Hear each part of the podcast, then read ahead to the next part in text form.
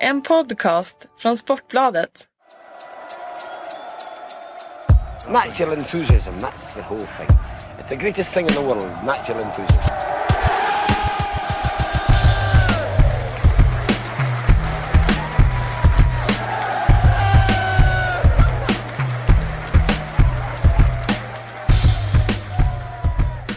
Hej och välkomna hälsar vi till ett förhoppningsvis fullångt eh, Premier League-podd den här veckan. Eh, vi hade ett litet tekniskt haveri förra, då den sista kvarten föll bort ungefär men eh, du vet väl du Erik att den sista kvarten, det är, ju- då händer ju inte speciellt mycket. Ja, Då är det avgörs vet du. Då spörs i mål i 89 minuten och allting förändras. Så ja, det var eh, oroande nyheter att höra att eh, ni prioriterar på det här sättet när ni gör era tekniska justeringar. Ja, det ska inte hända igen hoppas jag. Välkommen Erik Niva och Kalle Karlsson. Tackar. Mitt namn är Patrik Syk. Vi har eh, cupvecka. Eh, Jag vet att du är cupfantast Erik. Korrekt. Kalle, känner du samma entusiasm? Eh, nej, inte sådär jätteentusiasm över ligacupen. Det har jag inte gjort de senaste åren. Eh, FA-cupen vill man alltid ha en entusiasm eh, kring och den, den finns ju alltid där eh, när vi kommer in i första omgången efter eh, nyår där. För att då brukar det alltid bli någon sån där David mot Goliat eh, batalj som alltid är lite kittlande så. Sen när man kommer fram och det är lite senare omgångar så är det klart att då kan det vara någon uppstickare som tar sig långt. Och det är också spännande. Så att FA-cupen absolut, ligacupen inte lika eh, entusiastisk där.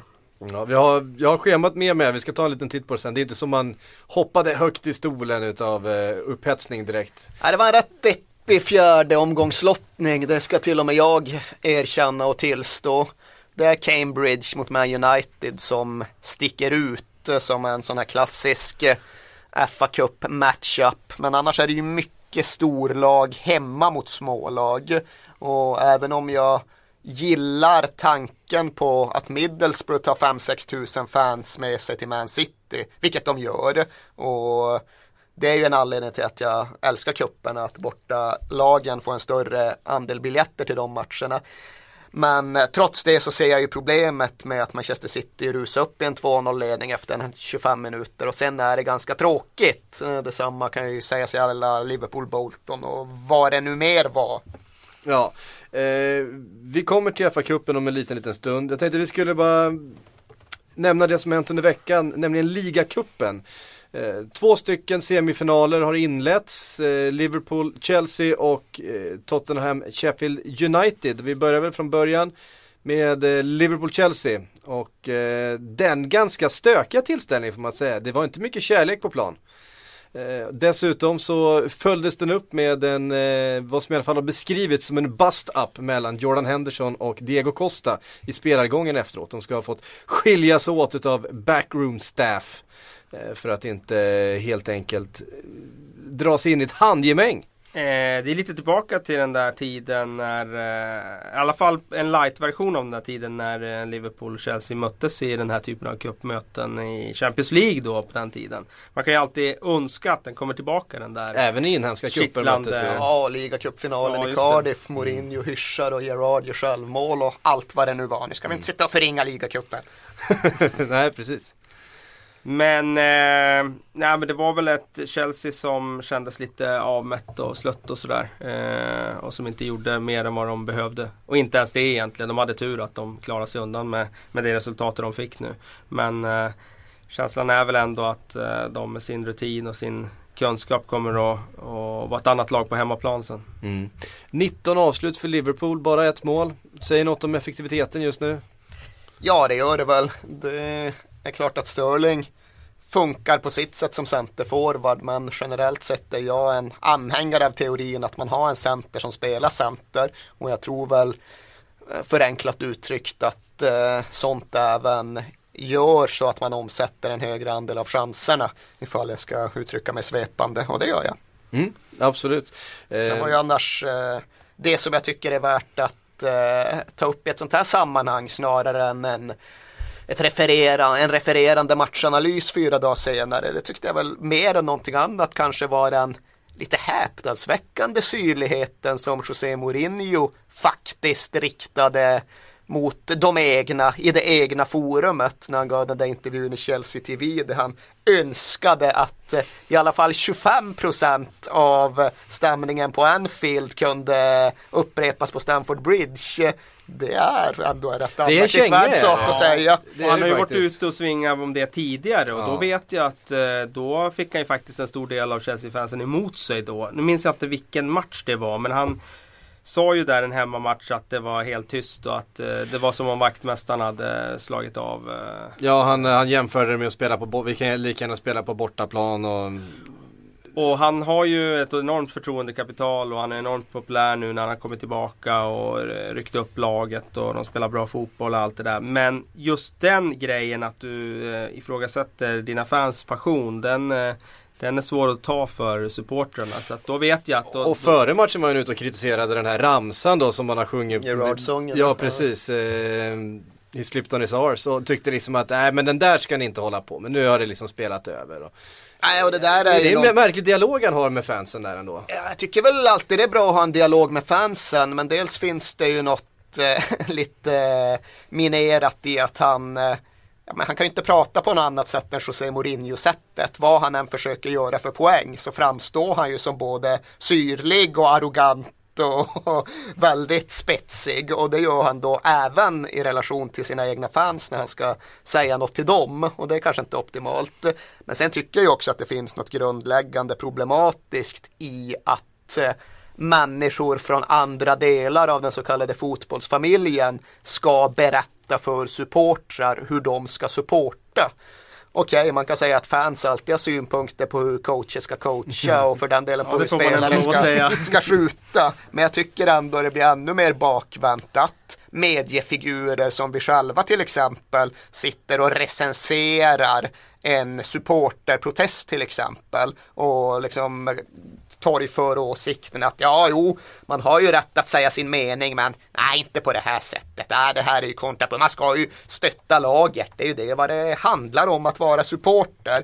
Jag tycker de där eh, omdömena träffar sällan rätt och det kan jag väl känna gäller även i det här José Mourinho-fallet. Ja, och det är ju sällan så att de, de som kommer med de uttrycken har den insikten som krävs för att faktiskt kunna ställa en, en eh, ja, diagnos, höll jag på att säga, men, men komma med ett, med ett expertutlåtande. Ja, det kan jag ju verkligen ärligt och uppriktigt säga att även om jag tror att många fotbollstränare uppfattar det som att gemene läktarman har väldigt dålig koll på hur fotbollen egentligen fungerar så tycker jag verkligen eh, som jag upplever det med fog att gemene manager eller gemene medieexpert har nog fan ännu sämre koll på hur en läktarkultur fungerar och vad som gäller där och vad som är rimligt att eh, säga och vad som är bakgrunden till olika händelser. Så det kan vara värt att få sagt i det här sammanhanget. Sen tror jag ju också till exempel att eh, José Mourinho har nog en ganska skev bild av stämningen på Anfield. För det är ofrånkomligen så att den piskas upp eh, lite extra mycket när just Chelsea kommer på besök i en ligamatch eller ännu mer i en semifinal. Det är inte så att Anfield heller kokar varje lördag eftermiddag när West Bromwich kommer att spela snålt. Nej, det ska gudarna veta. Um... Det var Liverpool-Chelsea det. 1-1 slutade den matchen. Ehm, och det är precis som man säger José Mourinho efter. Ja, vi fick den här matchen till att bli en, en enmatchhistoria hemma på eh, Stamford Bridge istället. Eh, det var så han såg på det. Så istället för dubbelmöte är det här nu ett enkelmöte. Det står i praktiken 0-0 eh, och det spelar man även på Stamford Bridge och det får man väl ge Chelsea ett han ganska, vet ganska skapligt. Han vet hur han ska styra efter debatten. Han ska styra den bort från att de bara hade ett skott på mål typ. Det är ju också så att det inte är alldeles ovanligt att Mourinho har lagt upp dubbelmöten ja. på ungefär det sättet att eh, man blockerar mer eller mindre den första bortamatchen. det var ju inte full anstormning framåt direkt. Eh, även om det inte var den metaforiska bussen kanske så var det ju ett eh, lag som var rätt nöjt med att Liverpools backlinje stod och rullade boll till varandra. Ja, nej, Mourinho hade nog tagit 1-1 på förhand och sen det finns det ju de coacherna som menar att man ska, man ska inte vara så resultatfixerad, man ska se till prestation och det är klart att man ska, men jag tror väl att José Mourinho ligger ganska långt i andra änden av den skalan. Han är rätt fokuserad vid just resultatet. Ja, så är det. Och igår så spelade Tottenham mot cupspecialisten Sheffield, Sheffield United. Eh, Ja, bara 1-0 Erik. Sista Ja. kvarten. Ja. Det är då det händer. Andros Townsend på straff. Ja, var det till och med sista kvarten? Det kanske var lite jag tror det tidigare. var typ i 72 eller så, men jag kan ha det fel var något där. sånt. Jag kan ha fel Ja, där. jag är inte helt... Nej, det såg ju fan inte bra ut. Det var ju en jämn fotbollsmatch och riktigt det är väl inte vad man önskar sig när man möter ett lag från tredje divisionen hemma. Och Spurs eh, är Spurs eh, med brister och förtjänster men jag kan väl ändå välja att börja i Sheffield United-änden för det kan också knyta an lite till det kupptema du har antytt att du har i tankarna. För det är ju trots allt det som gör att jag gillar de engelska kupperna så mycket. Det är i grund och botten det som gör att jag gillar den engelska fotbollen så mycket. Att pyramiden är så jäkla stark. Att ett lag som på intet sätt dominerar tredje divisionen kan åka till White Hart Lane och se riktigt bra ut. Det är inte så att de bara står och tjongar, det är inte så att de bara tacklar, det är inte så att de enbart försvarar sig. De har ju en matchplan, de har en organisation, de har någonting. Och, de har Och en fyra- tro på det de gör. en tro på det de gör, 4 500 fans med sig på en onsdag kväll till London. Stor klubb Sheffield United, bara det är värt att återigen poängtera. Och eh, ett lag som någonstans svarar upp mot det. Och att det finns en sån institution där nere i tredje divisionen, det är engelska fotbollens mest grundläggande styrka. Men vad är det som gör eh, Blades så framgångsrika i just kupperna då? För att jag menar, vi har ju fått vänja oss vid att de är där uppe och de är i kvarts och semifinaler i såväl ligacup som FA-cup. Svårt att säga för de har ju bytt tränare under den här perioden i, i klubben när de har haft framgång i cupen. De var ju framme i FA-cupen ganska långt för ett antal år sedan. Minns jag inte exakt vilket år det var men det känns som att det var en 5-6 år sedan där någonstans. Eh, svårt att säga faktiskt eh, om en enskild faktor så. Det var Jose Baxter, din gamla Merseyside-kompis som skulle bli bättre än Wayne Rooney. Han eh, var ute och pratade före matchen och uttryckte sig ändå rätt intressant. Han sa det att ja, ja, det är klart att Premier League-klubbarna innehåller bättre fotbollsspelare än de som finns i vår trupp. Men mm, i takt med att eh, fotbollen där uppe har blivit så kontinentaliserad eller vad man ska kalla det så är det också vissa saker som har gått förlorat. Numera menar Baxter så består Premier League-lagen nästan enbart av spelare som vill ha bollen vid fötterna och bilda små passningstrianglar. Och de tycker inte det är så jäkla kul när ytterbacken knackar den rakt ner i korridoren till McNulty som armbågar omkring. Och någonting ligger det nog i det, att det faktum att Premier League-klubbarna har gått så långt bort ifrån den fysiska fotbollen gör att man kan vinna rätt mycket på att möta dem Och som de, blir ett inte fysiskt slagna lag. på, och de blir inte slagna på tempo heller. Nej, Nej, menar- nej men så är Ja, det de ju ner. exploderade ju igår Sheffield United. Första 20 spelar de ju snabbare än Borussia Dortmund gjorde när de var som bäst. Och visst, de fejdade lite. Man märkte ju att de tröttnade kanske sista 25. Och det är väl frågan om den ekvationen riktigt går ihop.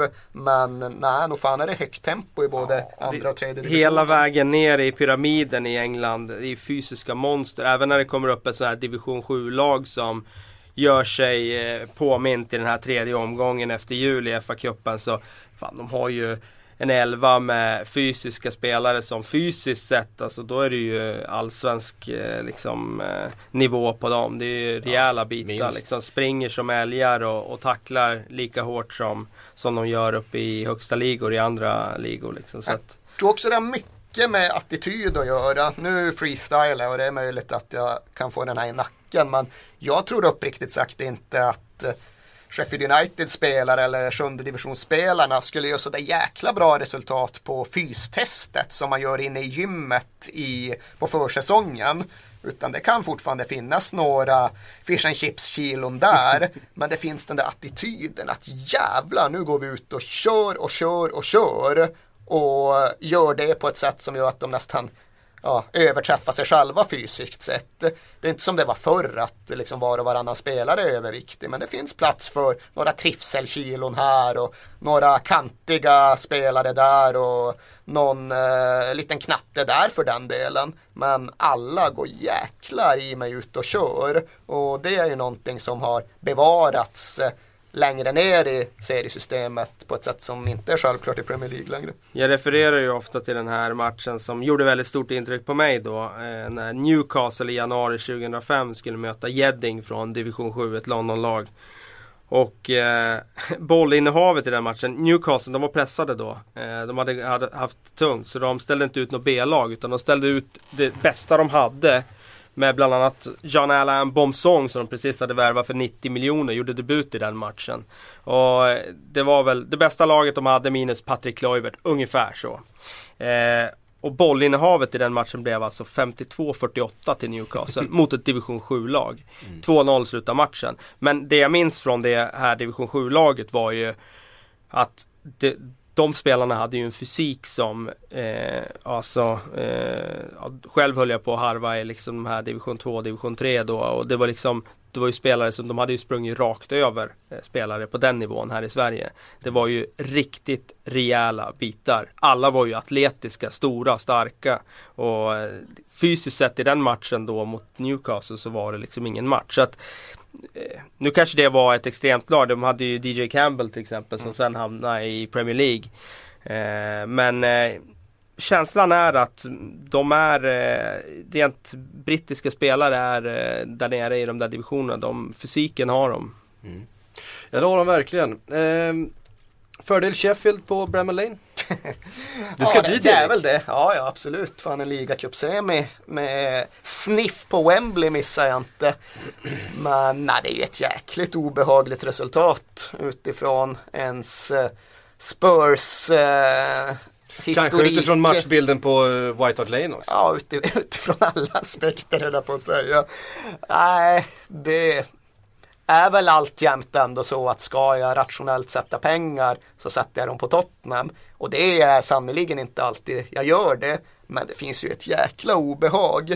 Det finns ju definitivt känslan av att det inte kommer bli någon någon eh, stillsam seglats där uppe utan det kommer storma rejält och de kommer ju forcera ännu hårdare första 20 den här gången och ja, får de in 1-0 då är det ju verkligen anyone's guess.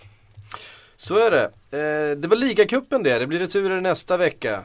Det blir väldigt spännande att följa förstås. FA-cupens fjärde omgång drar igång nu till helgen. Börjar med en fredagsmatch då, eh, Cambridge mot Manchester United. Vad tycker ni om fredagsmatcher? Jag är emot. Oväntat. Ja, nej, nu är det kan ju bli verklighet i Premier League också. Det kommer väl bli verklighet i Premier League också. Och det tycker jag inte är bra. Ja, det gillar man ju inte alls. Alltså. Jag kan köpa en kuppomgång kanske på en fredag. En sån här tidig FA-cup. Men liga, ligaomgång fredag, det vänder sig i magen på mig. Det har ju länge varit så i de lägre divisionerna att de har brutit ut en match och kört på fredagkvällar. Men ja, jag återkommer ju alltid till samma argument i och med att det är där det bottnar. Att det här är i så fall en förändring som i huvudsak görs av kommersiella skäl och som prioriterar tv-tittare i Sverige eller Singapore framför människorna som faktiskt går på matcherna i England. Och det tycker jag är fel ändar att börja i, fel anledningar att fatta ett beslut och därför är jag emot. Mm. Um. Jag tänkte jag skulle rabbla lite på så här gammalt eh, sportspegelmaner. Eh, matcherna för den fjärde omgången och sen så får vi se vad vi tycker om ett. Vi har redan varit inne på att vi kanske inte är sådär jätteexalterade över just de här eh, matchningarna. Cambridge United. där får vi väl stanna i alla fall för det är ju i så fall matchen som eh, mest är värd att stanna vid. Och jag ska inte föregripa mig själv här men eh, jag kan eh, ändå meddela det att, Eh, ja för de som inte är på det klara med det så coachas ju alltså Cambridge United av gamla Sverigebekantingen Richard Manny eh, som ju hade AIK och VSK under 2000-talets eh, första 5-6 år. Eh, och jag ringde upp honom och snackade gamla minnen och nya tider med Money häromdagen och skrev en artikel som ska gå i tidningen på matchdagen och det gjorde att jag kom in ännu lite mer i det, att jag verkligen kom att se fram emot Cambridge United mot Manchester United på mm. ett ännu tydligare sätt. För det är ju verkligen den här klassiska fa Cup-matchen. Den lilla tar emot den stora. Det är en helt annan sak när det lilla laget åker till Old Trafford och känns helt chanslösa på förhand. Nu känns de bara trekvarts chanslösa på förhand Cambridge och det är det som gör att det känns så värt att kolla. Trevlig stad också Cambridge. Jag sympatiserar med den på, på många sätt. Ja, alltså grejen är att jag har alltid i kampen mellan Oxford och Cambridge som eh, ju är oundviklig så har jag valt Oxfords sida. För man kan inte vara neutral här. Man är Nej. antingen för eller emot. Man står på den ena eller den andra sidan. Och jag har alltid valt Oxford. I grund och botten, i och med att jag i alla fall inbillar mig att det universitetet har en lite mer humanistisk prägel. Cambridge är så jävla vetenskapligt inriktat. Och jag har ju alltid varit, jag har ju aldrig varit naturvetare, jag har ju varit samhällsmänniska istället. Så därför har jag Är alltid du varit tvärsäker i den här analysen nu? Tillräckligt säker för att bygga en världsbild kring det, för att välja sida. Jag, jag har varit onykter i Cambridge, det har inte varit i Oxford, därför vinner Cambridge för mig. Jag hade trevligt den kvällen. Du får utslagsrösten då Kalle. Ja, alltså Richard Money eh, hade man ju lite kontakt med där när han var och tränade Västerås. Så att eh, jag måste ju lägga min eh, röst där på Cambridge där, eftersom han är där. Ni ser, Oxford faller alltså, helvete. vi får ro om det Ja, eh, vi får, i väl sommar. det, vi får väl det. Vet du det att i samband med den där jävla rodden så spelar även universitetslagen match på Craven Cottage, alltså alldeles vid Themsen. Mhm. Jag tror inte att det är en lika anrik tradition som rodden, men jag vet att det För den är fall, ganska anrik Den är rätt anrik får Om man någon, om någon idrottshändelse i världen är anrik så är det väl den. Ja, det är väl kanske så. Eh, men ja, så vitt jag vet så är det i alla fall så numera att varje år så möts universitetslagen på Craven Cottage i anslutning till rodden, både då bildligt och bokstavligt. Givetvis är det på Craven Cottage också. Ja, det, men det är är det där de ska hända. Ja, det det de, det ska hända. de ror väl förbi Craven Cottage förutsätter Ja, jag. det gör de väl antagligen. Eller ja, Ja, gör- det, det gör de. de gör det? Ja, Fan hur funkar det? Det, är ju knixigt alltså. Flodjäveln svänger en massa vid Ja, Craven det- Cottage. det får- de där långa det- båtarna, de måste väl bara plöja på på en raka? Det eller? gäller att du har en bra styrman där Ja, bak. Som, han är ja. central. Men alltså styr han verkligen? Sitter inte han med en jävla trumma eller något? Ja, alltså jag har exakt så bara eller en, takten, en, en hej ho. ja precis, en megafon. Men alltså, man har ju aldrig, jag har aldrig någonsin sett det som att kurvtagning är en faktor i rodden. Men det kanske är så. ja, i det här loppet verkar Jag tror det aldrig jag sett ett helt roddlopp mellan Oxford och Cambridge. Nej. Roddpodden, vi får reda ut det här. Alltså så fort jag är med, jag är inte klar. Så fort, så fort det är OS så då fan kör de rakt fram. Då Ja, de det är här absolut. Brandin och dem. I allra högsta grad. Ja men det är klart det går rakt fram där. Ja, men vi vidhåller ändå att Men i har de- Cambridge men- Oxford så tar de sig förbi kurvorna. Men är vid det en Cottage. rodddistans som finns på OS då? Den här, när de är, vad är de, tio man i varje båt och det sitter en, en snubbe det jag och gapar. sett. Jag tror inte det är Kan en OS-gren alltså. Det kan jag Ja, inte det- tänka mig. I rodd är de väl en eller två. K2 och K4. Nu är du inne på K... kanot. Det är Ja, men det helt är typ samma sak. Det är typ samma sak. Ah, vi, det Ja där- du, nu, nu, får, nu får du Sveriges Det kanot, kanot och rodd Ja. eh, människor på dig. Eh, man sitter ju åt olika håll, det måste ju vara motsatsen till varandra. Ja, jag hade kunnat sätta mig och googla rodd nu men äh, väljer att eh, lyssna på dig när du nu tänker säga att vi går vidare. Ja, nu går vi faktiskt vidare. Jag, jag, ska, fort, jag ska i alla fall rabbla den här omgången.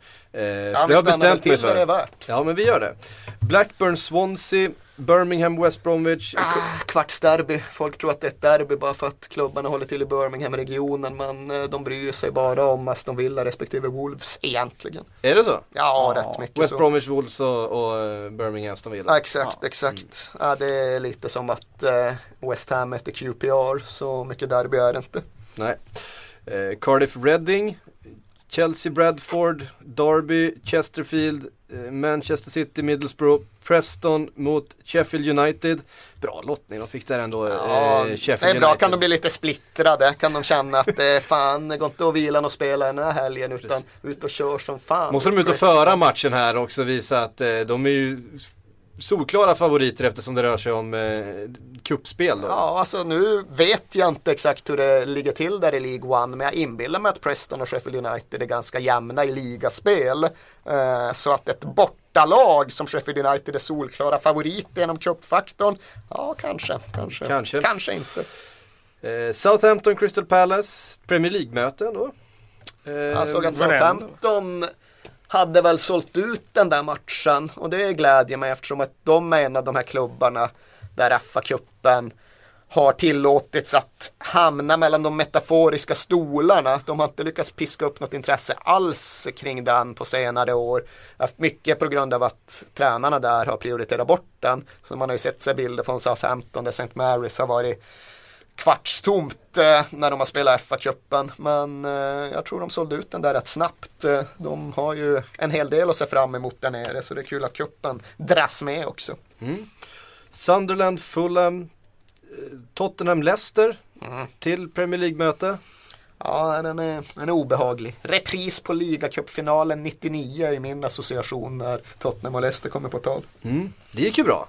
Det gick bra. Allan Nielsen, det var kul för jag satt och pratade med Pontus Kåmark om den matchen för inte alls länge sedan. Spelade han där? Nej, alltså han var ju rasande för att han eh, blev petad.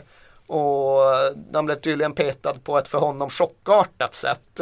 Det var så att han trodde att det stod mellan honom och Frank Sinclair.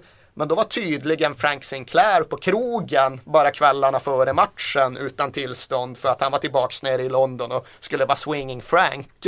Och det kommer jag inte ihåg ifall det ens rapporterades eh, på den tiden. Men så var det enligt Kåmark. Och då trodde Pontus att tröjan var hans. Men istället valde Martin O'Neill att spela Robert Allathorn mot Ginola.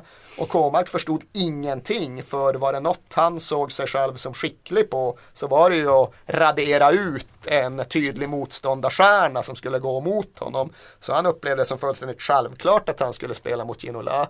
Men så blev det inte. Eh, Tottenham... Och det gick ju som det gick. Ja, det gick som det gick. Allan Nielsen eh, nickade in en boll i 90 minuten för ett tiomanna Tottenham. Robbie Savage hade fuskat ut Justin Edinburgh. Men det som också var lustigt var att eh, visst, det målet kom nerifrån den kanten. Men eh, K-Marks minnesbild visade sig vara ganska skev.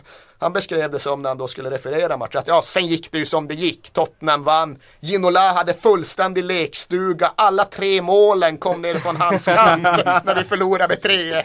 Eh, alltså det det. blev inte 3-1 Pontus, det blev 1-0. eh, ja, ja, vad fan, lekstuga hade han i alla fall. Och sen hade han gått fram Pontus till Martin O'Neill direkt på bussen på väg från Wembley och sagt att äh, det här var droppen, nu lämnar jag, jag kommer inte vara kvar i Leicester efter säsongen. Och visserligen så hade han redan gått i sådana tankebanor kring att flytta hem, men han hade inte bestämt sig och han upplevde det som viktigt att göra just den markeringen mot O'Neill att efter den där petningen se till att låta honom veta att det var den som fick honom att fatta beslutet. men det, jag ser det som en fotbollsspelares eh, rätt att bli kränkt vid varje petning. Ja, ja. Det är ju en, eh, det är en kränkning mot, mot det egos man ändå måste ha som professionell fotbollsspelare.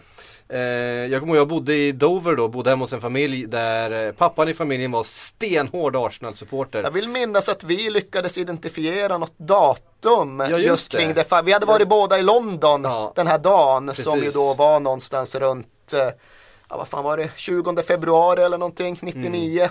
Och du var och gjorde vad fan du nu gjorde för grej och jag var och såg Jag gick på Spurs South. Kent College och läste media. Ja men du hade varit inne i London Jag var i London precis just då den helgen. Vi var väl i London de flesta helger vill jag eh, minnas. Det är inte så långt. Eh, men jag var, jag var där då, vi var inte på matchen för sådana pengar hade vi inte. Eh, det fanns väl inga biljetter kvar heller. Nej, det var väl inte så att en cupfinal på Wembley inte var utsåld. Det kan jag väl eh, meddela. Men jag lyckades manövrera till och med en biljett. Jag hade Minns- säsongsbiljett på White Hart Lane på den tiden. Så då fick man ju förtur. Jag minns att vi var där, jag minns att det tog oerhört hårt också på den eh, pappan i familjen där jag, där jag bodde. Mycket glädjande det hela. Att, det var väl så att Tottenham inte hade vunnit någonting på ganska länge då va? Vi hade inte vunnit något sedan 91 måste det var. Och det, det dessvärre var, det var ju att det var ändå en lite tudelad glädjekänsla. För det här var George Grahams jävla Tottenham som vann på George Grahams jävla sätt. Det var inte the football connoisseurs som vi ju vill se oss själva som. Utan det var ju en vår som vi egentligen enbart vann matcher med 1-0. Det Vann vi så vann vi med 1-0. Det gillar man. Nej, inte om man eh, har med Tottenham att göra. Då vill man inte se George Graham på bänken coacha Spurs på det sättet. Och det var faktiskt en av de mer infekterade tider jag kan minnas runt klubben. I anslutning till det här så åkte vi även upp och spelade fa Cup semi mot Newcastle på Old Trafford. Alan Shearer gjorde två mål i förlängning och vi förlorade. Men då var det verkligen så att det fanns en konflikt att minst halva Spurs-sektionen vägrade sjunga med när andra drog upp en sång om Georgie Grahams Blue and White Army. Många vägrade sjunga överhuvudtaget. Vissa körde någon eh, mellanlösning. De kunde tänka sig att sjunga Man in a Raincoats Blue and White Army. Men eh, det där var på riktigt för väldigt många. Det var så jävla starkt att George Graham var Arsenal. På den tiden Arsenal var 4-4-2, 1-0 to the Arsenal. Tony Adams med offside-handen i luften. Och det var allt som Tottenham aldrig skulle bli. Men så var det då. Så var det, det var Tottenham-Leicester det.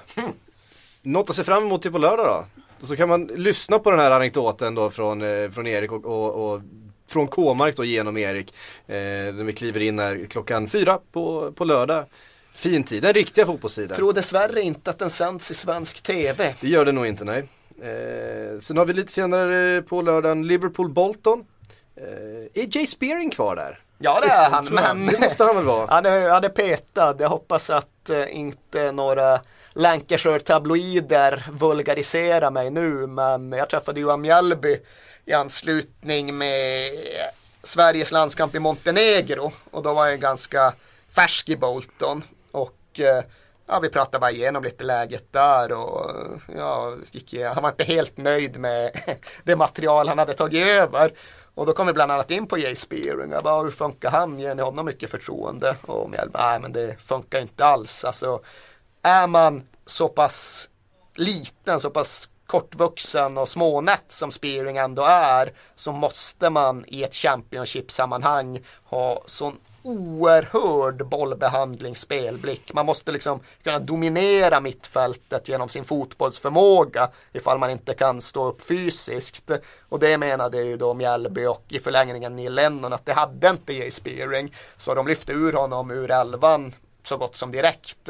Och så vitt jag vet har han väl inte slagit sig in igen. Så jag tror inte det blir så mycket med Jay Spearings återkomst. Däremot har ni en annan gubbe som kommer tillbaka till Anfield. Eh, nu måste jag tänka. Tänk snabbt, tänk snabbt. Hjälp han inte David- Kalle. David Ngog! Intressant lösning. Det var inte David Ngog jag tänkte på. Jag tror inte han är kvar. Nej, Var fan han är jag vet inte vart han är. Han har försvunnit. Men han var i Bolton. Han var i Bolton, det var han. Men det är David större än så. Större än så. Ja! Eh, är Emil Heskey för fan. Såklart, Ivanhoe. Ja, Ivanhoe. Ja, det är ju magiskt. För fan vilken legend alltså. Eller legendar, förlåt. Ehm, Alltså, jo, vad gjorde han på Anfield egentligen? Jag har ingen minne av någon så här en enda händelse eller något enskilt mål som sticker ut.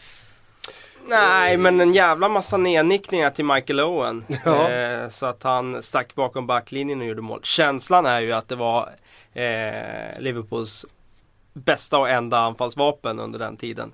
Eh, det var en lång boll på Emil Heskes gässa Ja. och, sen, och sen var det Owen som skulle Så sticka det i. Vilket även han- Svennis adopterade till landslaget. Då. ja, precis. Nej, han var bra tycker jag. Man gillade ju Heskey när han spelade för Liverpool. Alltså, det var många som var emot honom och som tyckte att eh, det, det var ett jävla träben bara. Liksom. Men jag, jag, jag var svag för den. Alltså, han, han gjorde ändå en hel del mål i, i perioder. Så han kom in i stim och, och, och gjorde en del.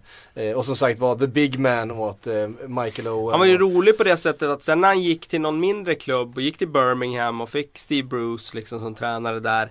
Lite samma sak som Bobby Samora. att så fort ett lag eh, han fick spela en lite större roll och laget anpassade spelet efter honom och han fick vara the main man. Då kunde han ju göra sådana här matcher när han var helt ostoppbar. Där eh, Ja men liksom Han eh, sysselsatte en hel backlinje med sin enorma fysik. Mm. Sitter och simultan googlar här som man gör. Tydligen gjorde han 39 mål på 150 insatser för Liverpool. Och det är väl ungefär ett sånt snitt man förknippar med Emil Heskey. Ja. Det var väl så många Var eller så få mål Var han fjärde gjorde. match typ. Ja, men nej, han, man kommer ju ihåg honom just, ja, he featured. Han var man startade fa Cup-finalen 2001 och det är ju liksom den säsongen som man kanske förknippar med Heskis tid i Liverpool. Alltså poor man's treble-grejen och Mm. allt det där. Det väl, Han var väl utbytt när, det- när det väl begav sig sen kanske. eh, I den finalen där. Det var ju då när Owen gjorde ja, två alltså, det var ju enda två gånger när Liverpool rörde bollen. Det var ju när Owen gjorde två mål och de vann. Eh, men eh, ja, det finns inte ens här något som riktigt sticker ut i mina ögon. Han gjorde tydligen mål när de slog Bayern München i Supercupfinalen men där, är, det är en bluffturnering däremot. Ligacupen kan jag stå upp för men de där jävla supercuperna det är något helt annat. Ja, det orkar man ju inte engagera sig i, det känner jag också. Eh, det var Liverpool-Bolton, eh, Emil Heske, kanske Jay Spearing, jag hade gillat att se Jay Spearing. Fan, det var ett inhopp, bara genom två minuter på slutet. Han hade ju fått en ovation av uh, The Cop. Ja, han, är ju en, han är ju en Merseyside-kille, även om man nu, då har jag fått lära mig, inte får, eh, får räkna folk från, eh, vad heter det nu, där han är ifrån. Nu står det still i huvudet på mig. Var Det från in- Bootle eller? Eh, Han är ju från ön där, väster. Jaha, det Birkenhead Ja alltså. precis, han är ju en Jaha. Birkenhead kille. Och det är, det är ju inte Liverpool då, är ju väldigt, väldigt eh, viktigt för en del. Ja, där tror jag faktiskt till och med jag sagt i det här sammanhanget och det ska man ju undvika att dra samma anekdoter. Men jag är ju jävligt förtjust i just den scenen i Being Liverpool när de följer med Jay Spearing i bilen från Melwood antar jag till sitt hem och så kör de just under tunneln, Mercy-tunneln och Spearing börjar tuta för där står hans farsa i ett gult blåställ och sliter. Och det är klart som fan att Jay Spearings farsa är någon jävla byggknegare vid tunneln i Liverpool. Det klart. gör ju att allt känns rätt. Det är bara det gör ju att man vill att han ska komma tillbaka och få den där ovationen. Ja men så är det. Eh, och han var uppskattad under den här tiden. Alla såg ju att han inte skulle räcka till för en klubb med ambitioner. Men man, man gillade ju varje gång han satte en dobb i en motståndare liksom. Vilket han ju gjorde med, med viss framgång där. Man gillar ju hur han ser ut Ja, också. det och sen att han är, inte så vacker. Sen känns, det känns ju fel så fort han har hår. Han ska ju vara kal. Ja verkligen. På samma sätt som det var fel i andra riktningen. Eller sig, ja, så fort Roy Keane rakade av sig håret då kändes det som att han ansträngde sig ännu hårdare för att leva upp till något tough man-rykte. Så han tacklade ju sönder fler folk med rakat huvud. Men han var mycket bättre fotbollsspelare när han hade mopptopp. Det är en vetenskaplig slutsats på samma sätt som Mellberg alltid var mycket bättre när han hade skägg när han var rakad. Ehm, Intressant teori. Ja, det är ingen teori, det är ett faktum. Om Det är ett Keane, ja. faktum. Kan stämma. Det var lördagsmatcherna det. På söndag har vi Bristol City West Ham, eh, Aston Villa Bournemouth eh, och Brighton mot Arsenal.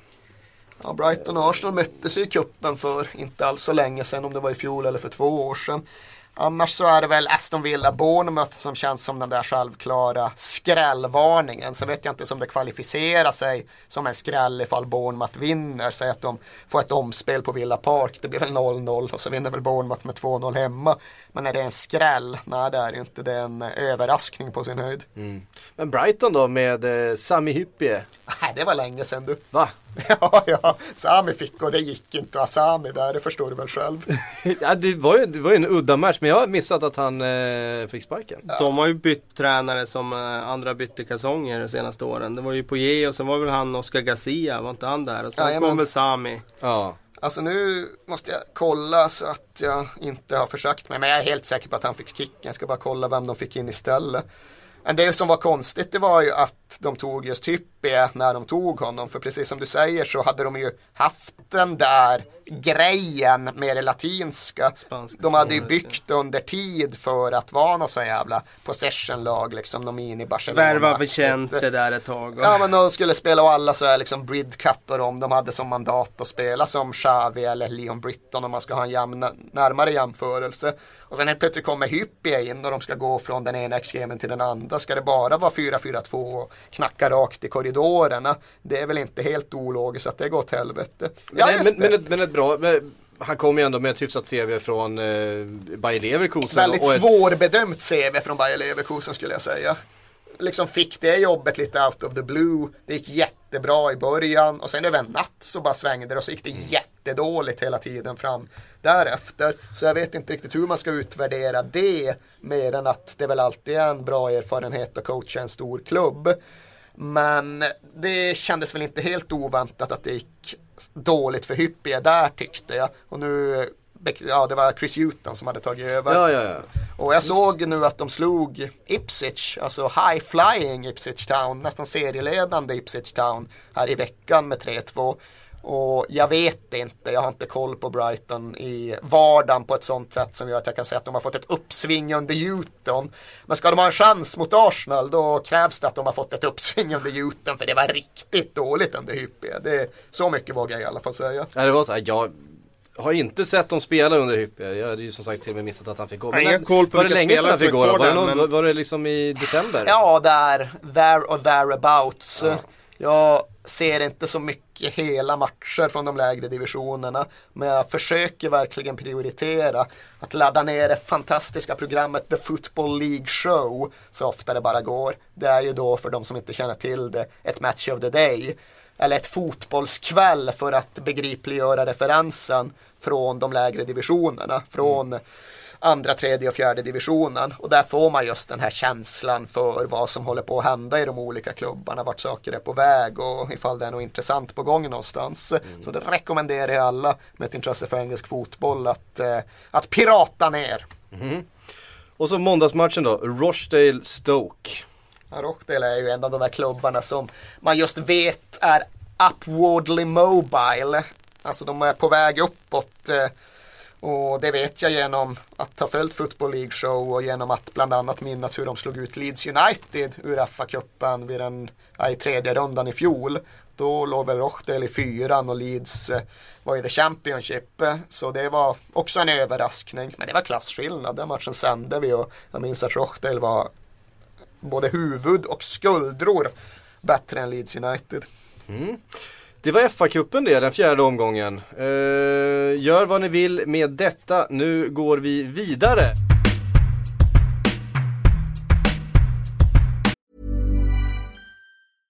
Flexibility is great. That's why there's yoga.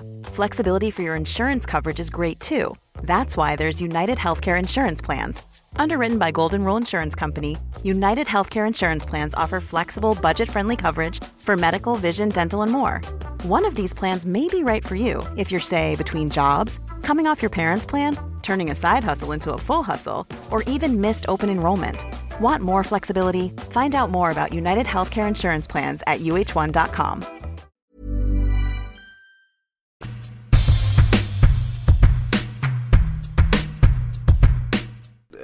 För nu ska vi prata bara lite grann om pengar. Det kom nämligen den här eh, Rich List, eh, de rikaste klubbarna i världen. Det var lite eh, förra säsongens eh, stora intäkter och föga förvånande så gick då alla Samtliga Premier League-klubbar från förra säsongen eh, gjorde då sitt bästa resultat i klubbens historia intäktsmässigt.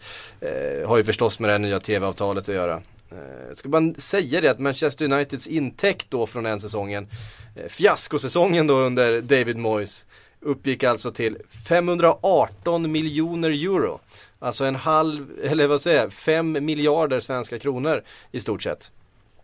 Det är ganska uppseendeväckande siffror faktiskt. Eh, I väldigt mycket pengar. Det är väldigt mycket pengar och Framförallt med tanke på att ingen annan i England är i närheten. nej, ja, nu gör vi visserligen en poäng av att vi inte ska sitta och förbereda oss inför den här podden men jag noterade allt det här under morgonen nu och tänkte att fan jag måste ta mig en timme och sätta mig med den där rapporten och gå igenom den för att få lite kött på, en, kött på analysbenen. Men det har jag ännu inte gjort. Eh, Så därför ska jag inte säga så mycket om det. Jag tyckte väl att det mest notabla som bara slog mig direkt, det hade egentligen inte med Premier League att göra. Utan det var det faktum att PSG hade lyckats pumpa upp sina intäktssiffror så förbaskat mycket. De var ju nu liksom uppe på en nivå där de var jämsides med Barcelona. Förbi Manchester City, förbi Chelsea och Arsenal. Och nu vet jag som sagt inte det eftersom att jag inte har granskat de där siffrorna men jag misstänker ju att det måste ju ha att göra med att de har ja, sådana här bluffsponsringar från Qatar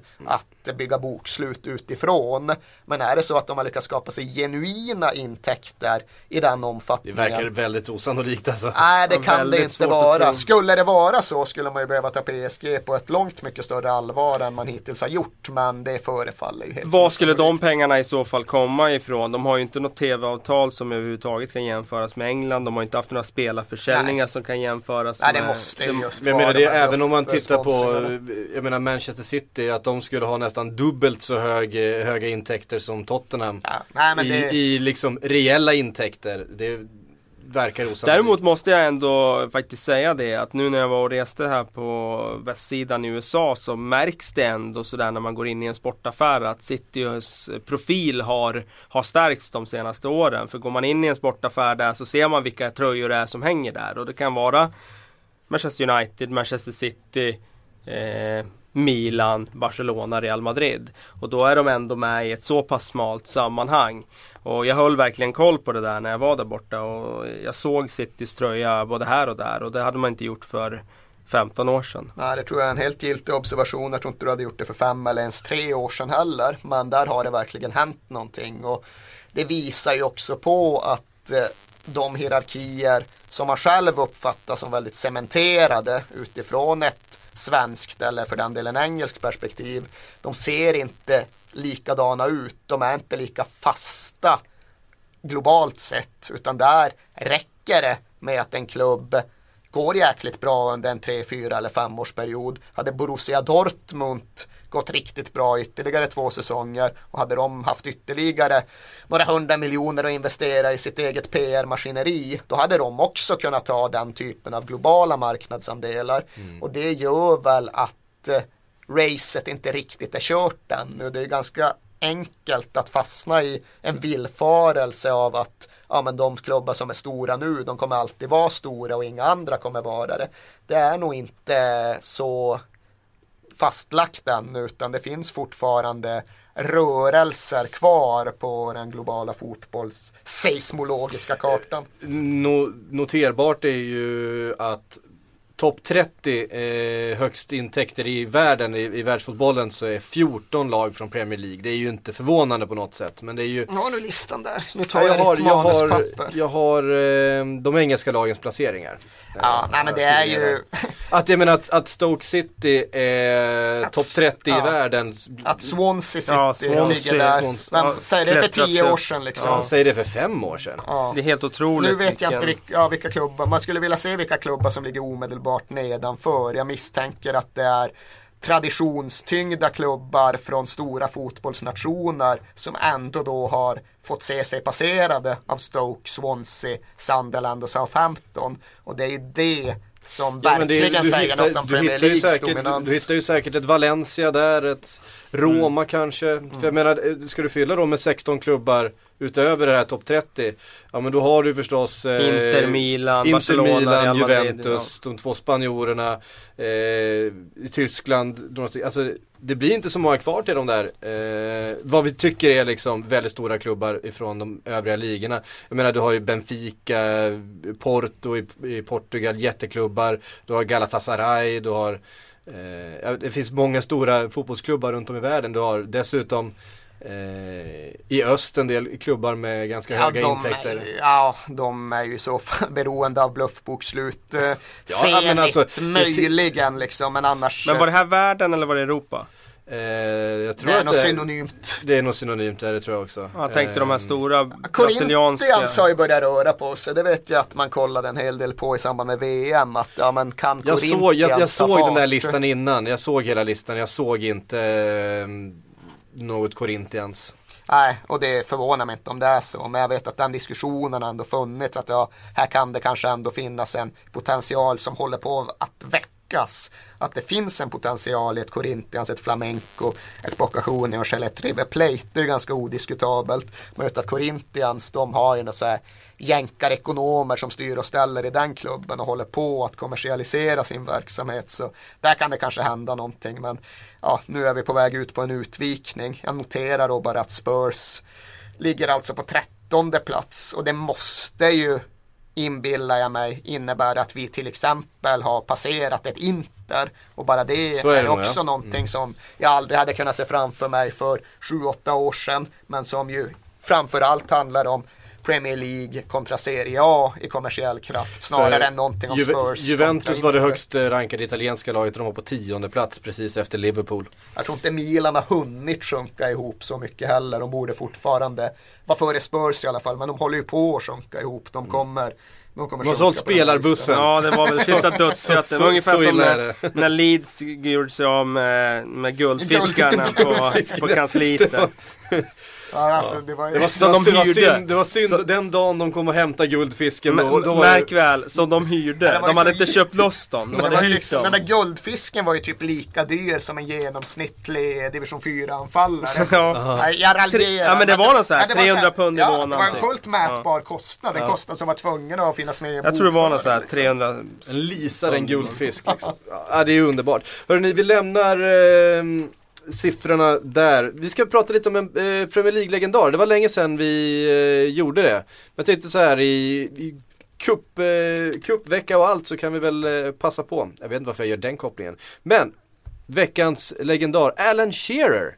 Det känns väl eh, mysigt och härligt att ägna några minuter åt. Ja, jag tror aldrig jag har varit med. Har ni någon form för den här programpunkten? Ska Ja, man bara freestyle? Man ska bara freestyla. Man ska freestyla och sen så brukar jag kasta in ett litet mini-quiz för att testa era kunskaper kring eh, eh, Det är därför jag inte gillar att ni researchar allt för mycket om Nej, det här. Men vi jag ska tänker att vi ska, vi ska grejer. prata lite om våra personliga upplevelser kring eh, den här spelaren. Jag har ju träffat honom. Ja, det, Det- vill vi höra allt om. Det är en av de få, få eh, personligheterna som vi eh, drar upp i det här sammanhanget som jag faktiskt har träffat. Eh, När, var, hur? ehm, vi kan ta det sen tänker jag. Jaha. Vi kan väl börja med den här quizen då. Uh, ja, Ska okej, vi göra det? okej. Ja, kan Därför vi de hänger lite ihop nämligen. De hänger lite ihop. Eh, för det är nämligen så, ni vet, ni kan ju Alan Shearers historia. Han slog igenom i Southampton, eh, gick vidare till Blackburn och sen till, hem till Jag Newcastle. har varit med på den. Jag har gjort en Cantona-quiz. Ja, jag med precis. Ja, ja. Ja men det stämmer. Eh, men, vilken turnering har han själv angett som platsen för sitt genombrott? Så han gjorde ju den här Toulon-turneringen, alltså U21 eller U20-turneringen i Frankrike i anslutning till att han slog igenom. Så ifall det är en turnering du efterfrågar inbillar jag mig att det måste vara den. Ehm, jag kan säga att han, han började på bänken här men slog sen in och blev eh, tog sig till turneringens All-star-lag och blev liksom lagets stjärna här. Det, året var 1985. Oj. Ja, då är det någon inte sån där då, så. Uefa-cupen eller cupvinnarcupen eller vad fan? Det är faktiskt Gothia Cup. Jaha, Jaha, med tanke det på var att så. det var du. Jaha, Ja, då okej. skulle du, då träffade, nej du kan inte träffa honom i anslutning till Gothia Cup 85.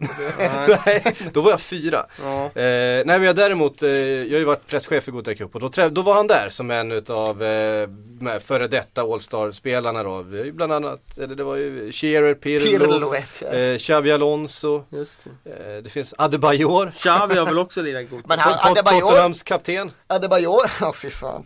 Nej men Adebayor blev väl på allvar upptäckt i samband med Gothia Cup. Där är det väl faktiskt giltigt att faktiskt prata om det. Att han hade säkert kommit till Europa ändå. Men det var ändå det som var den utlösande faktorn. Jag vill minnas att jag pratade med honom om det någon gång när jag intervjuade Adebayor. Och han själv eh, absolut lyfte fram det som en avgörande händelse i hans liv. Att han kom och fick spela Gothia Cup och sen om det var Metz eller vilka det nu var som fick upp ögonen för honom och plockade honom till Europa och Frankrike. Så eh, nu kommer jag bort från Shearer men där tror jag verkligen att det finns fog för att prata som, om Gothia Cup som en genombrottsturnering i ännu högre utsträckning än det gör runt Shearer. Mm. Ehm, Vilka det, vi har spelade ju, Shearer för? Walls End Boys Club eller? Vilka? det var min nästa fråga och det är helt rätt. Ja, fan det är bra att man kan förekomma. Ja, det var min nästa fråga, vad hette laget? Ja, det stämmer. Walls End Boys Club. Eh, året efter det här då så eh, snappades han upp utav Southamptons akademi. Det är ju, ska väl sägas för de som inte har full koll på det. Kanske, ja, det jag skulle säga att det är den näst mest mytomspunna engelska så här, pojkföreningen. Det är ju de som har genererat typ alla stora spelare från uppifrån nordöst i modern tid. Gassa är jättestarkt förknippad med Walls and Boys Club och Michael Carrick har spelat där och Fraser Forster och säkert Peter Beardsley också. Det Och Alan Du var, du var väl där och gjorde reportage för inte alls länge Nej, sedan? Inför halvt år 2012 sedan. så var jag och hängde i Walls Ja, det var så pass länge sedan ändå. Det var stort. Och där kan jag bara dra en så här lite anekdotpassus över till den andra klubben som jag tycker ska nämnas eh, och det är ju Senrab från östra London. Och anledningen till att jag verkligen vill nämna det just här att jag var och skrev om dem också. Det var före VM 2006 och Senrab är ju klubben som då har fostrat Ledley King, John Terry, Jermaine Defoe, Bobby Zäta att de hade ett väldigt så här stolt track record av att eh, från och med VM 82 och framåt hade det alltid varit Senrab-spelare med i VM. Så oerhört eh, välmeriterad pojkklubb. Men eh, jättetufft för dem nu. De får liksom ingen hjälp med finansiering eller någonting. Så de höll mer eller mindre på att duka under. Men då läste Gothia Cup-generalen Dennis Andersson den där texten, hörde av sig till mig och sa fan, vi måste ju bjuda in Senrab, vi får fixa det här på något sätt. Och han gjorde det. Han fick eh, Senrab till Gothia Cup faktiskt som en direkt konsekvens Han av den brukar där som han texten jag skrev. Han brukar se till att det blir så. Ja, jag blev oerhört glad av det. Jag kände att oj, oj, här skriver man journalistik som gör konkret skillnad. Eh, och det är inget som förändrar världen. Men jag minns att jag blev innerligt och genuint glad av den händelseutvecklingen. Ehm, så är det. Jag har en tredje fråga också men den är så jävla tråkig så vi skiter i den. Ehm, men jag, jag kan berätta om när jag träffade Alan Shearer och det var ju ett Gothia Cup-sammanhang eh, där han var där och helt enkelt skulle då vara lite ambassadör på något sätt under själva kuppen. Ehm, och det som var noterbart från det här, det var liksom en intervju, han dök upp och han var väldigt trevlig och eh, han hade på sig liksom ett par helt vanliga liksom, joggingbrallor, ett par tofflor och en, eh, någon sponsrad t-shirt. Eh, och så gled han ut, det var liksom presskonferens och, och media var samlade och man fick göra liksom en intervju. Sen så drog han ner på Heden. Helt själv egentligen.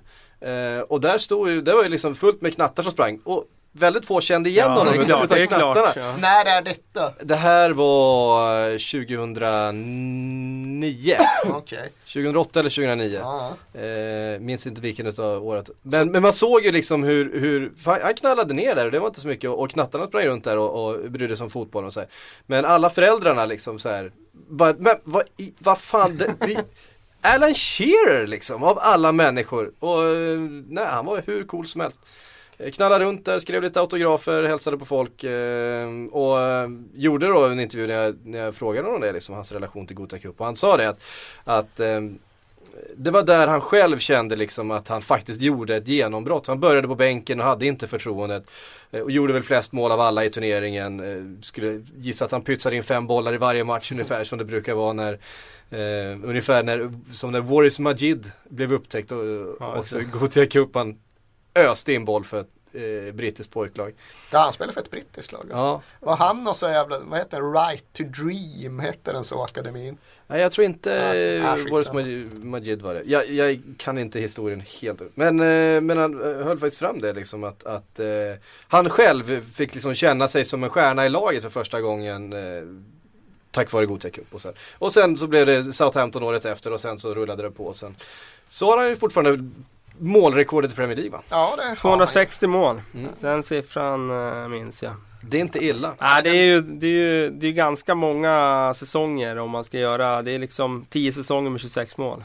Ja. Det, det är ganska mycket när man lägger gjort. fram det så. Va, favoritminne med Alan Shearer Kalle? Eh, inget sådär, ja det är M96 när han var otroligt bra eh, och bar England fram där. Eh, men också alla de här otroliga, inte- ett specifikt minne utan alla de här otroliga målen han gjorde. Alltid på rätt ställe i straffområdet. Mm.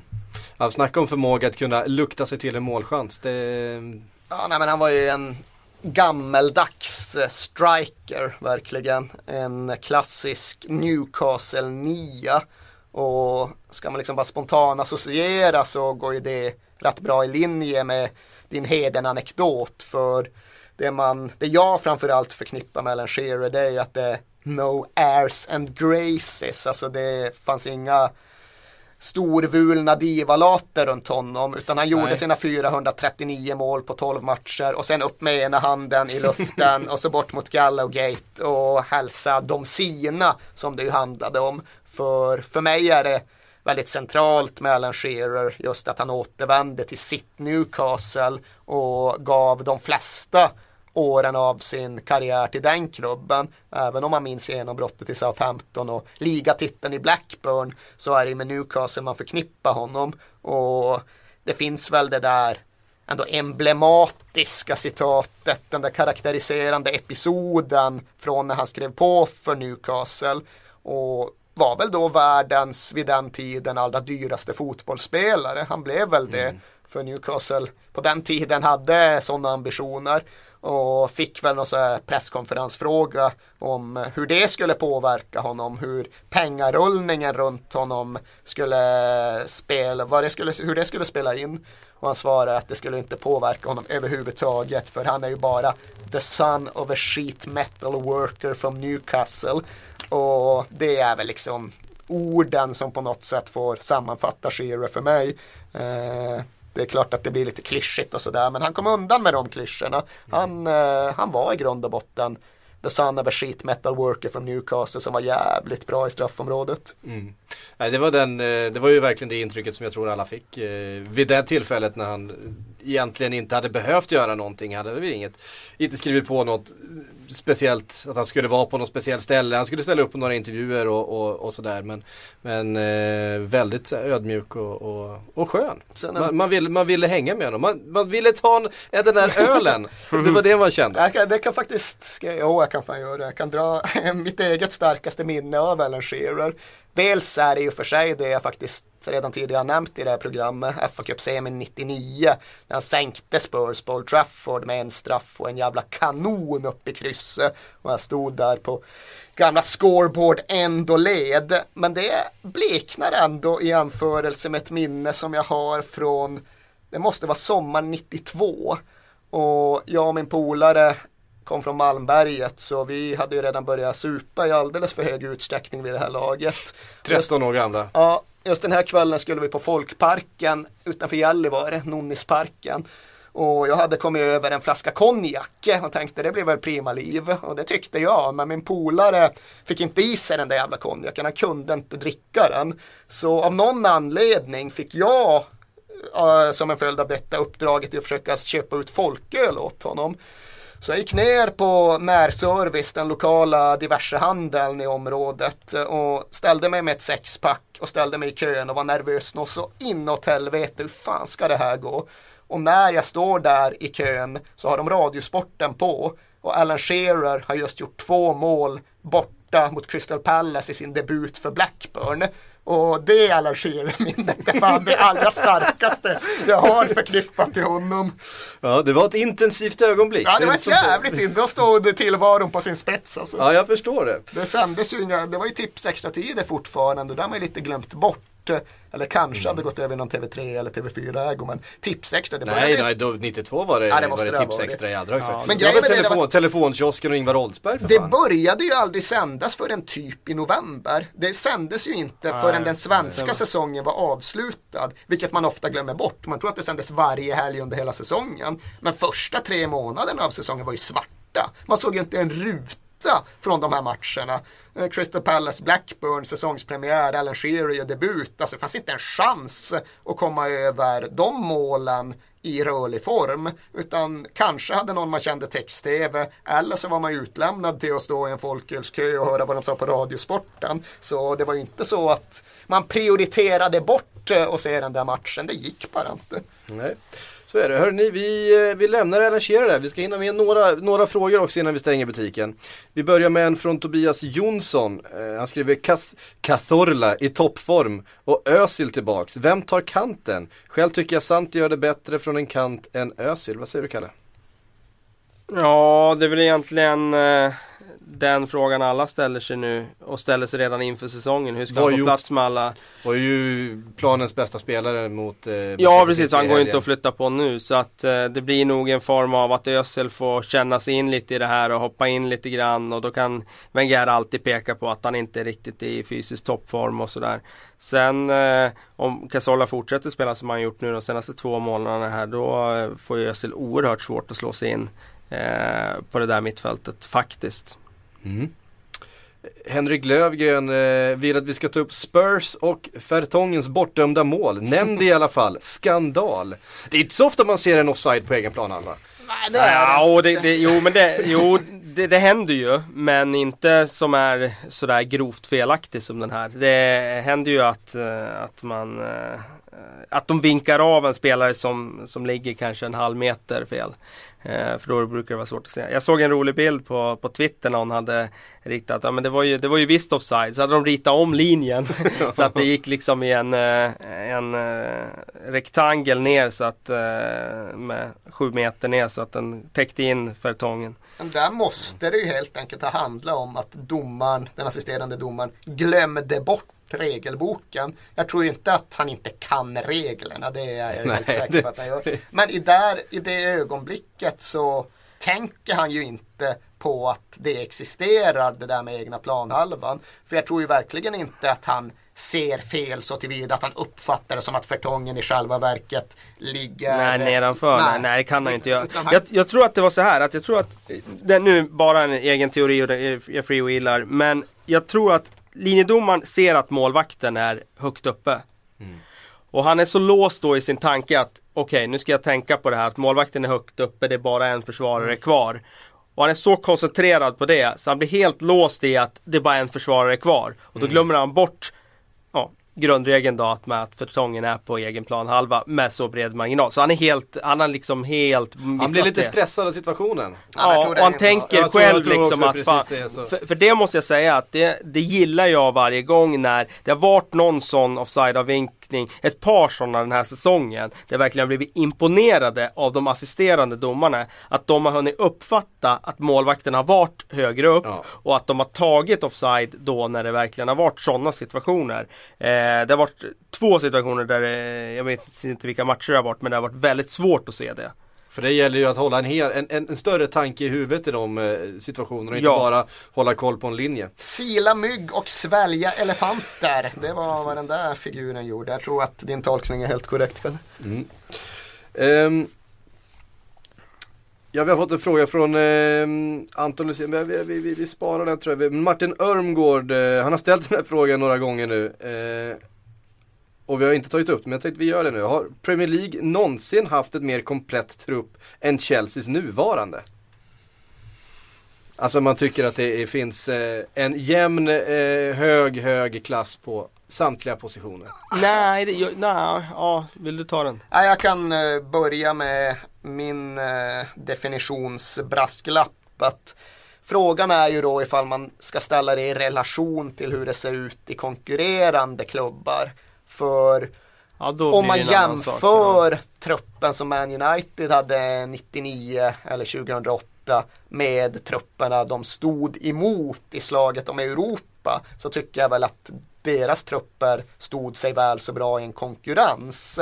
Men om man bara ska frikoppla Chelsea av idag och inte nödvändigtvis jämföra deras slagkraft med Bayern München eller Real Madrid. Så då kan jag väl köpa att nej, det har nog aldrig funnits eh, så god täckning på alla tänkbara positioner i en Premier League-trupp som det gör i dagens Chelsea. Mm. Nej, och jag håller med dig. Och som du säger, där 2008 så hade ju Manchester United den bästa truppen i Europa och det var därför de vann Champions League då. Eh, men deras centrala mittfält då var ju en faktiskt åldrad Paul Scholes och Michael Carrick och de var bra, absolut. Men skulle inte säga att de var Cesc Fabregas och Nemanja Matic på det sättet. Det var, inte, det var inte där United hade sin styrka då. Utan de hade sin styrka med ett helt otroligt anfallsspel med, med Ronaldo, Rooney och Carlos ja, det, är svår, det är svårt att peka på någon del av planen där Chelsea inte kan hävda att det här är vår styrka. Ja, nej, nej. verkligen så. Och sen de har de en helt behärs... otrolig målvakt. Ja. Det hade i och för sig United också två. i van der Sar. De har två otroliga ja. målvakter. Vilket just anspelar på det här med trupp och numera är det ju mer berättigat än det var tidigare att prata om fotboll som a squad game. Det var ju något man började säga tidigt redan på 90-talet men egentligen inte hade så mycket anledning att eh, återknyta till hela tiden. För då handlade det fortfarande väldigt mycket om elvan och man pratar just om de stora europeiska lagen inom tiderna så ligger ju oftast ett 90-tals Milan etta, två eller trea. Och de började ju på sitt sätt bygga en trupp. Men det var ju egentligen bara negativt för dem. De fick använda en avbytare var det väl, så när de värvade Dejan Savicevic så var det enda som hände att de fick en missnöjd stjärna för mycket Ja, eller. Papan för den delen. Ja, de förstörde för sina konkurrenter och de förstörde för någon av sina egna storspelare. Men, Och för sig själva för sen vann de ju inte så mycket Nej. sen när de körde men det var ju liksom inte fråga om att bygga upp en trupp att rotera utifrån utan allt kretsade ju då enbart om att sätta en första elva och köra med den tills någon blev skadad. Då kunde det bli någon förändring. Sen slängde man in Massaro ifall det knep och så var det bytet gjort. Pigge har ställt frågan, med tanke på den lugna aktiviteten på marknaden, vågar jag hoppas att det lugnar ner sig? Eller? Alltså ska vi tro att eh, FFP har haft ändå någon sorts eh, bromsande effekt på eh, spelarmarknaden? har väl varit ett plåster på en fontänblödning ifall man nu vill se transfercirkusen som en, som en skada. Eh, den har inte varit helt betydelselös men den har liksom inte inneburit någon grundläggande förändring i klubbarnas sätt att operera. Nej. Eh, men vågar man hoppas på att det lugnar ner sig då? Det vågar man väl knappast va? Nej, det kommer ju förbli så att det genomsnittliga januarifönstret är lugnare än det genomsnittliga sommarfönstret. Och sen tror jag väl ändå att FFP har bidragit till en sorts grundläggande förändring, ifall jag ska utveckla det jag börjar med att säga. Och det är väl att vi kommer få se färre Glasgow Rangers eller Portsmouths eller den typen av klubbar som imploderar under sin egen värvningsoffensiv och sitt egna lönetryck.